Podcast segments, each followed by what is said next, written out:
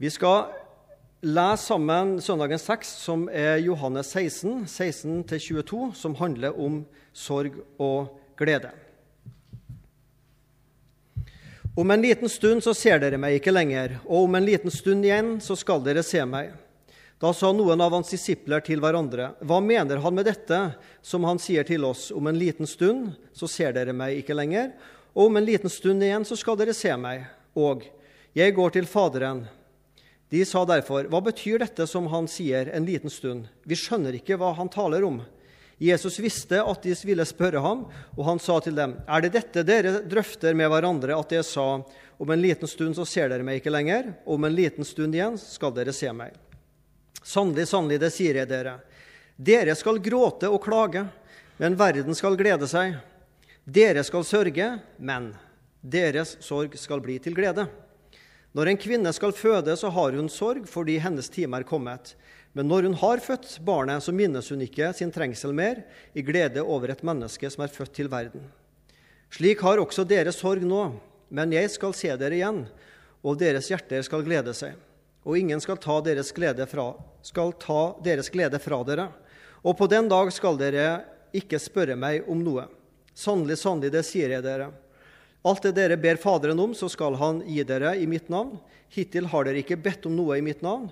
Be, og dere skal få, for at deres glede skal være fullkommen. Herre Jesus, takk for de ordene du talt til disiplene for 2000 år siden. Takk for dem er like sann i dag. Og gi, Herre, at vi lever i dem og tar dem til oss, og kjenner at dette angår vår hverdag, Jesus. Amen. Dette er nå de siste ordene Jesus sier før han dør, står opp igjen og reiser til himmelen. Og det sies jo det at noe av de siste ordene et menneske sier, det skal man gi ekstra akt på. Og det er jo ganske mange ord Jesus sier mot slutten av sitt liv. Men dette er noe av Jesus sin tale til disiplene. Her er det mange ting. Det er på en måte i tida mellom eh, påske og pinse, forberedelse på at Den hellige ånd kommer. Men jeg griper fatt i disse to ordene sorg og glede i dag. Og dag, dagens bokstav er F. Vanligvis er det mye T-er til meg, men i dag er det F-a. Så du skal få noen knagger å henge det på. Du skal få seks F-a i dag, som denne teksten handler om. Forvirring. Om en liten stund så ser dere meg ikke lenger, og om en liten stund igjen så skal dere se meg. Disiplene var forvirra. Eh, hva mener Jesus? Han sier at han skal gå bort, og så skal han se, så skal han komme igjen. og Om en liten stund så går han bort, og så om en liten stund igjen så kommer han. Vi er forvirra. Vi skjønner ikke hva Jesus snakker om. Når skal dette skje, at Jesus går bort og kommer tilbake? Hva handler det om? Jo, det kan være om Jesu død oppstandelse. Han går bort til korset, blir gravlagt og kommer tilbake igjen etter oppstandelsen. Det kan være at han går til himmelen og sender Den hellige ånd han kommer til oss i Den hellige ånd. Eller det kan være at Jesus mener at han drar bort, og en dag så kommer han igjen. Om en liten stund. Og nå har den stunden vært i 2000 år, da. Men det visste man jo ikke den gangen. Hva mener Jesus? Og De var forvirra, disiplene. Sannsynligvis så mener nok Jesus at nå, nå eh, blir jeg skilt fra dere en liten stund, for jeg skal til kors, jeg skal bli lagt i en grav. Men jeg kommer tilbake. Jeg skal stå opp igjen. Men så er det så flott med Bibelen at av og til så kan en ha en sånn fylde av meninger. Så vi kan godt tenke at Jesus drar bort og sender Den og at Jesus reiser fra oss og skal en dag komme igjen og bli hos oss. Da skal gleden være fullkommen. ikke sant? Alle disse tingene det er jo ikke motsetning. Men trolig så var det nok det Jesus mente, at han skulle gå til kors og oppstandelse, og de skulle se han igjen. Forvirring. Blir du forvirra når du leser Bibelen? Skjønner du alt? Jeg har papir på at jeg skjønner Bibelen. I hvert fall har jeg papir på at jeg burde ha skjønt Bibelen. Gått mange år på sånn fakultet for å lære, lære, om det. Og det er mye jeg ikke skjønner. Og det var ikke alt disiplene skjønte heller, så forvirringa kan sannelig være der. Det var dagens første F forvirring. Andre F-en forståelse. Vi skjønner ikke hva han taler om. Vi skjønner ikke hva han taler om. Syns du det er problematisk å forstå Jesus, Paulus, Peter, Johannes, Jesaja osv.? Er det lett å forstå alltid? Ja, sjøl Peter sleit jo med Paulus. Han skriver jo om det i andre Peters brev, kapittel 3. Ikke andre Tim 3, men andre Peter 3. Så skriver Peter at, at det er vanskelig å forstå noe av det som vår broder Paulus skriver. Så til og med Peter sleit litt altså med det Paulus skriver. Så hvis du syns det er vanskelig, så er du i godt selskap. Men her i andre Tim 3 så skriver Paulus Helt fra barndommen har du, Timoteus, kjent de hellige skrifter, de som kan gi deg visdom som leder til frelse ved troen på Jesus Kristus. Alle skrifter som er inngitt av Gud, er nyttige til å gi opplæring. Tale til rette, hjelpe til rette på rett vei, oppdra i rettferd. Slik skal det mennesket som hører Gud til, settes i rett stand og bli rustet til all god gjerning. Nyttig til å gi opplæring. Ja, Hvis vi sliter med å forstå Bibelen, hva er det beste vi kan gjøre da? Det er jo å prøve å forstå den. Og hvis vi skal prøve å forstå Bibelen, så må vi lese den. Og så har vi mange gode hjelpemidler. Det, vi har jo aldri levd i en tid i verdenshistorien der vi har tilgang til så mange hjelpemidler til å prøve å forstå Bibelen. Jo, de hadde jo ikke Internett på Paulus og Peters tid. Vi kan jo google det meste i dag og få opp mange fortolkinger. Så jo da, vi har mulighet til å prøve å forstå og Som kristne så er vi kalt til å gå fra melk til fast føde, snakker Bibelen om. Fra åndelig melk til fast føde. Vi skal øke i forståelse. Det kan være en bibelleseplan, det kan være bøker vi leser, vi kan sette oss ned og høre taler, og vi kan be Den hellige ånd om ledelse, og at Den hellige ånd åpenbarer Guds ord for oss. Og så er det viktig at når vi skal forstå Bibelen, så må vi lese den i lys av påska av Jesu kors oppstandelse. Skal vi virkelig forstå hva Bibelen handler om, Guds redningsaksjon, den røde tråden, så må vi lese det i lys av Jesu død oppstandelse. Hvis det glipper, så blir det en mengde sjølstående fortellinger som kan være greie i seg sjøl, men det fins en rød tråd med Guds forsoning. Forvirring, forståelse, frykt Sannelig, sannelig, det sier jeg dere, dere skal gråte og klage, men verden skal glede seg.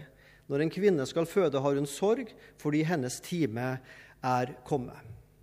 Nå er ikke sorg og frykt akkurat det samme, da, men jeg måtte være i FN, så da ble det frykt. Sorgen, frykten, frykter du? Frykter du for å miste Jesus? Frykter du for å miste troa? Kjenner du på en frykt for å miste det kristne fellesskapet? Familien din? Vi er jo hverandres familie.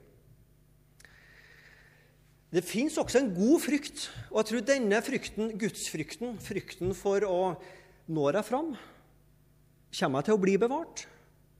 Den bør leve i oss. Det fins ei tid for å gråte og klage, står det i Bibelen. Det er også et en del av livet å gråte og klage, slik at vi ikke distanserer oss fra alvoret i livet.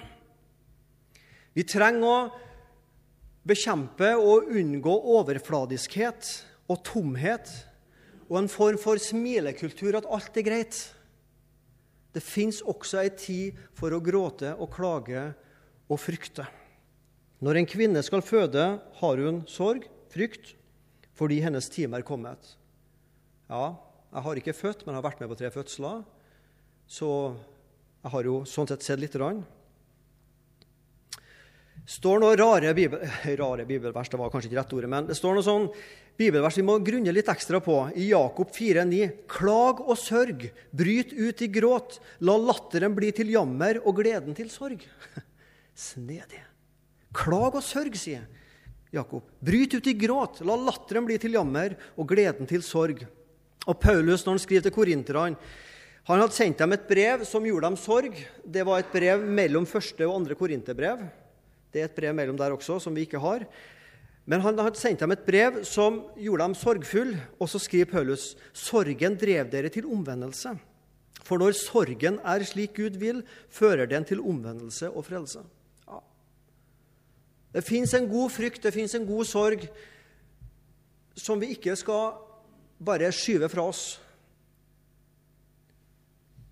en gudsfrykt, en sorg som driver oss til omvendelse.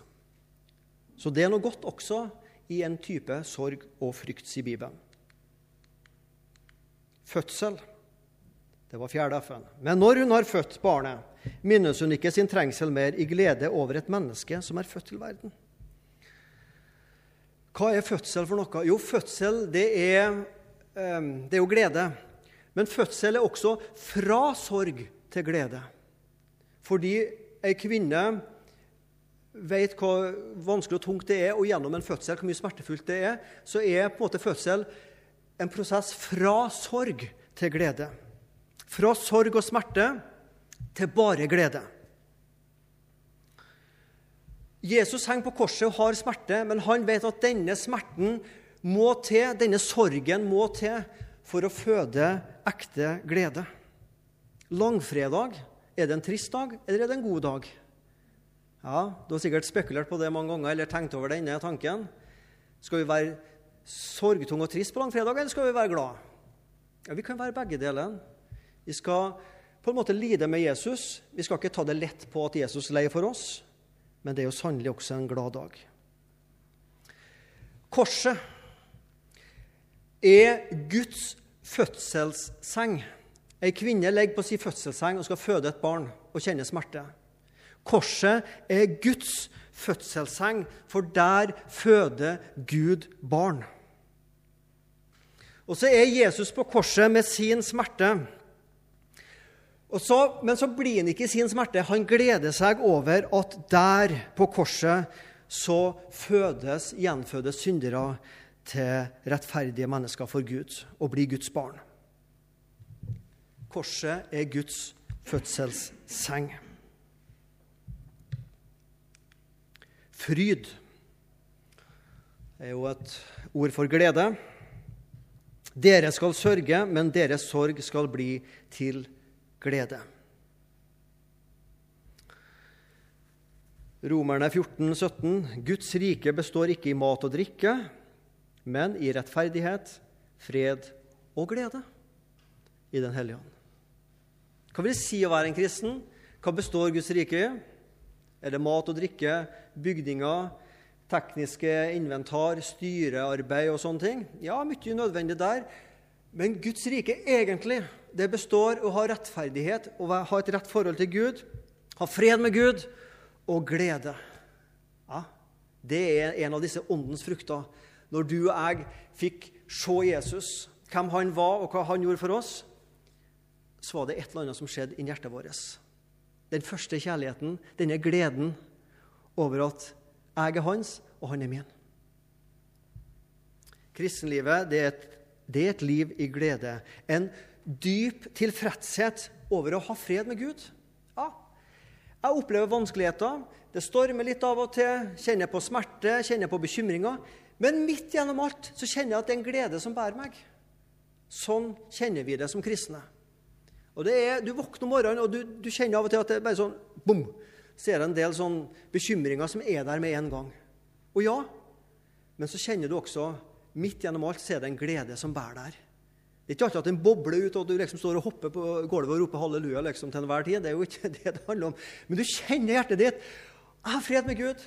Jeg er Guds barn. Om han kommer igjen i dag, så blir jeg med. Jeg har det beste i vente kristenlivet fra sorg til glede, fra sorg over synd til gleden i frelsen, fra tomhet til et liv med mål og mening, fra verdslige gleder til å være rik i Gud, fra verdens bekymringer til å bekymre seg over det som virkelig teller, Guds rike og misjonssak. For bekymring handler jo egentlig om omsorg for. Du er jo bekymra for det du har omsorg for. Vi går ikke rundt og bekymrer oss for ting vi ikke har noe med, som ikke angår oss.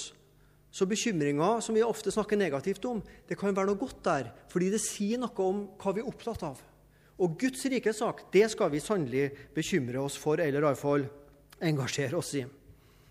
Fra verdens bekymring til å bekymre oss for Guds rikes arbeid. Fra en glede som er tidsbegrensa, til en glede som varer, og som ingen kan ta fra deg. Så kan det hende at laget du holder med, vinner en fotballkamp. Og så kan det hende at det ene og det andre som du har en kortvarig glede i. Men gleden i Gud er en glede som varer, og som det er Den varer evig. Den blir ved. Og den siste F-en, da setter vi på en fullkommen foran. Fullkommen fryd, fullkommen glede. Og det avslutter Jesus dette avsnittet med. Be, og dere skal få, for at deres glede kan være fullkommen. Fullkommen glede, fullkommen fryd. Kjenner du på det, at du har fullkommen glede? Ja, sitter noen sitter og tenker her nå og lurer på å kjenne etter. Ja, kanskje. Ja, fullkommen glede. Det begrepet det brukes noen ganger i Bibelen. Brukes som bønn, som vi las. Be, så dere skal få, at gleden kan være fullkommen. Det er snakk om en hellig ånd, om en fullkommen glede. Jesus sier det er bedre for oss at han går bort, så en hellige ånd kan komme, enn at Jesus blir igjen. Det er klart at eh, Disiplene var, eh, frykta og var lei seg når Jesus skulle reise fra dem. Men Jesus sier dere skal glede dere over at jeg går bort. For da kommer Den hellige ånd, som skal gi dere en fullkommen glede. Fellesskapet. Å ha samfunn med hverandre. Johannes snakker om at i Jesus Kristus så kan vi i hans soningsdød så har vi samfunn med hverandre og med Jesus for at vår glede kan være fullkommen. sier han. Altså, Se for deg Johannes sitter sammen med sin menighet, og så skriver han til noen andre. Vi har fellesskap med dere som bor de og de plassene, fordi vi har Jesus sammen. Og når vi har Jesus sammen og hverandre, da er vår glede fullkommen. Kjenner du på en glede over å tilhøre et fellesskap? Kjenner du på en glede at du møter søsken her i Misjonssalen? Eller kjenner du mest på bekymring og, ja, overfor de andre? For at vi skal glede oss, for vi har Jesus sammen. Det som holder oss sammen, det er ikke politiske saker eller eh, miljøengasjement eller eh, et eller annet gode tiltak. Det er Jesus. Det er han vi har felles. Troa på Jesus og på Guds ord. Det er det som holder oss sammen. Og det er det som skal gi oss fullkommen glede. Og så håper jeg, da. La oss glede oss og juble og gi ham æren, for tiden for lammets bryllup er kommet. En dag så skal gleden være fullkommen. Den er tidsbegrensa. Den er sånn halvveis her og nå. Den går litt sånn berg-og-dal-baneopplegg. Men en dag så er det lammets bryllup. Og da skal vi la oss glede oss og juble og gi ham æren, for tiden for lammets bryllup er kommet. Det er håpet. Fullkommen glede i bønn, Den hellige ånd, det kristne fellesskapet og i håpet. Din og min glede sånn vanlige, hverdagslige glede. Den er betinga, den er skiftende, og den er halvveis. Den er jo betinga hvordan vi har det. Hvis du våkner opp om morgenen og vet at du har en gedigen, svær eh, regning som skal betales i løpet av dagen, og du ikke har nok penger til det, da vil de fleste av oss bekymre oss. For bare å ta et eksempel. Men hvis vi har det greit, som vi sier, vi har det greit med, med både ektefellen og med ungene og med jobb og fritid og alt sånt, så kjenner vi en glede. Det er en betinga glede vi har her i livet.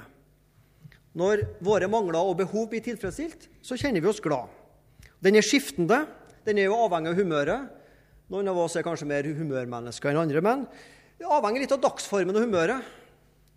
Du er ikke så, kanskje så blid og så glad om morgenen, men eh, når du får litt kaffe i kroppen og når brødskiven er, så, så stiger liksom gleden. Sånn kan vår glede være skiftende, avhengig av omstendighetene. Og så er den halvveis. Har du oppdaga det? Jeg har oppdaga det. Jeg kan glede meg.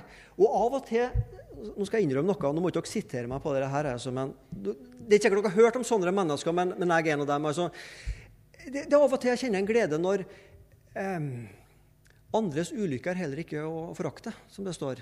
Så liksom kjenner jeg en liten sånn glede der at det ikke gikk meg bra, så, så likevel så gleder jeg meg fordi det gikk ikke andre så bra heller. Det er ikke sikkert dere har kjent det sånn, men, men, hvis dere har hørt om sånne mennesker, så hender det av og til at, at jeg er en av dem. Så, sånn er det med vår glede. Betinga, skiftende halvveis. Jesu glede, at vi blir Han, og at Han blir i oss. Det snakker Jesus om i Johannes evangeliet her. At Jesu glede det er at Han får være i oss, og vi får være i Han. Tenk det at vi får være i Han, dette intime fellesskapet. Jeg, jeg er Jesus Kristus. Jeg er satt med Kristus i himmelen. Jeg er skjult i Kristus. Min synd den er skjult med Kristus i Gud. Jeg er inne i Guds rike, jeg er en del av Guds rike. Yes, der har jeg min identitet.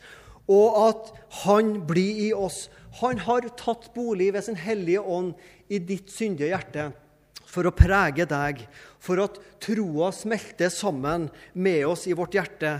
Og så kommer han med sin Hellige Ånd for å, som pantet på håpet som en dag skal bli vårt. Og så bor Den hellige ånd i hjertet på oss arme, syndige, skrøpelige mennesker, men som er rettferdiggjort i Jesu Kristi blod. Og så er Han i oss, og så er vi i Han. Der har du gleden, som varer og varer og varer. Lenger enn en Duracell-batteri. Det varer evig. Herre Jesus Kristus, takk for gleden i deg. Takk for det nå som varer. Takk for det noe som bygger på noe du har gjort. Og takk for at det er en glede som vi sjøl kan møte, og som vi kan dele videre med andre mennesker. Velsign oss, Jesus, sånn at vi fokuserer på det, sånn at ikke vi går rundt i hverdagen og tenker på alt mulig annet av bekymringer som tar livsmotet fra oss, men at vi kan tenke på det vi har i deg, og glede oss i deg, og kan ha en smittende glede overfor andre mennesker Jesus. Amen.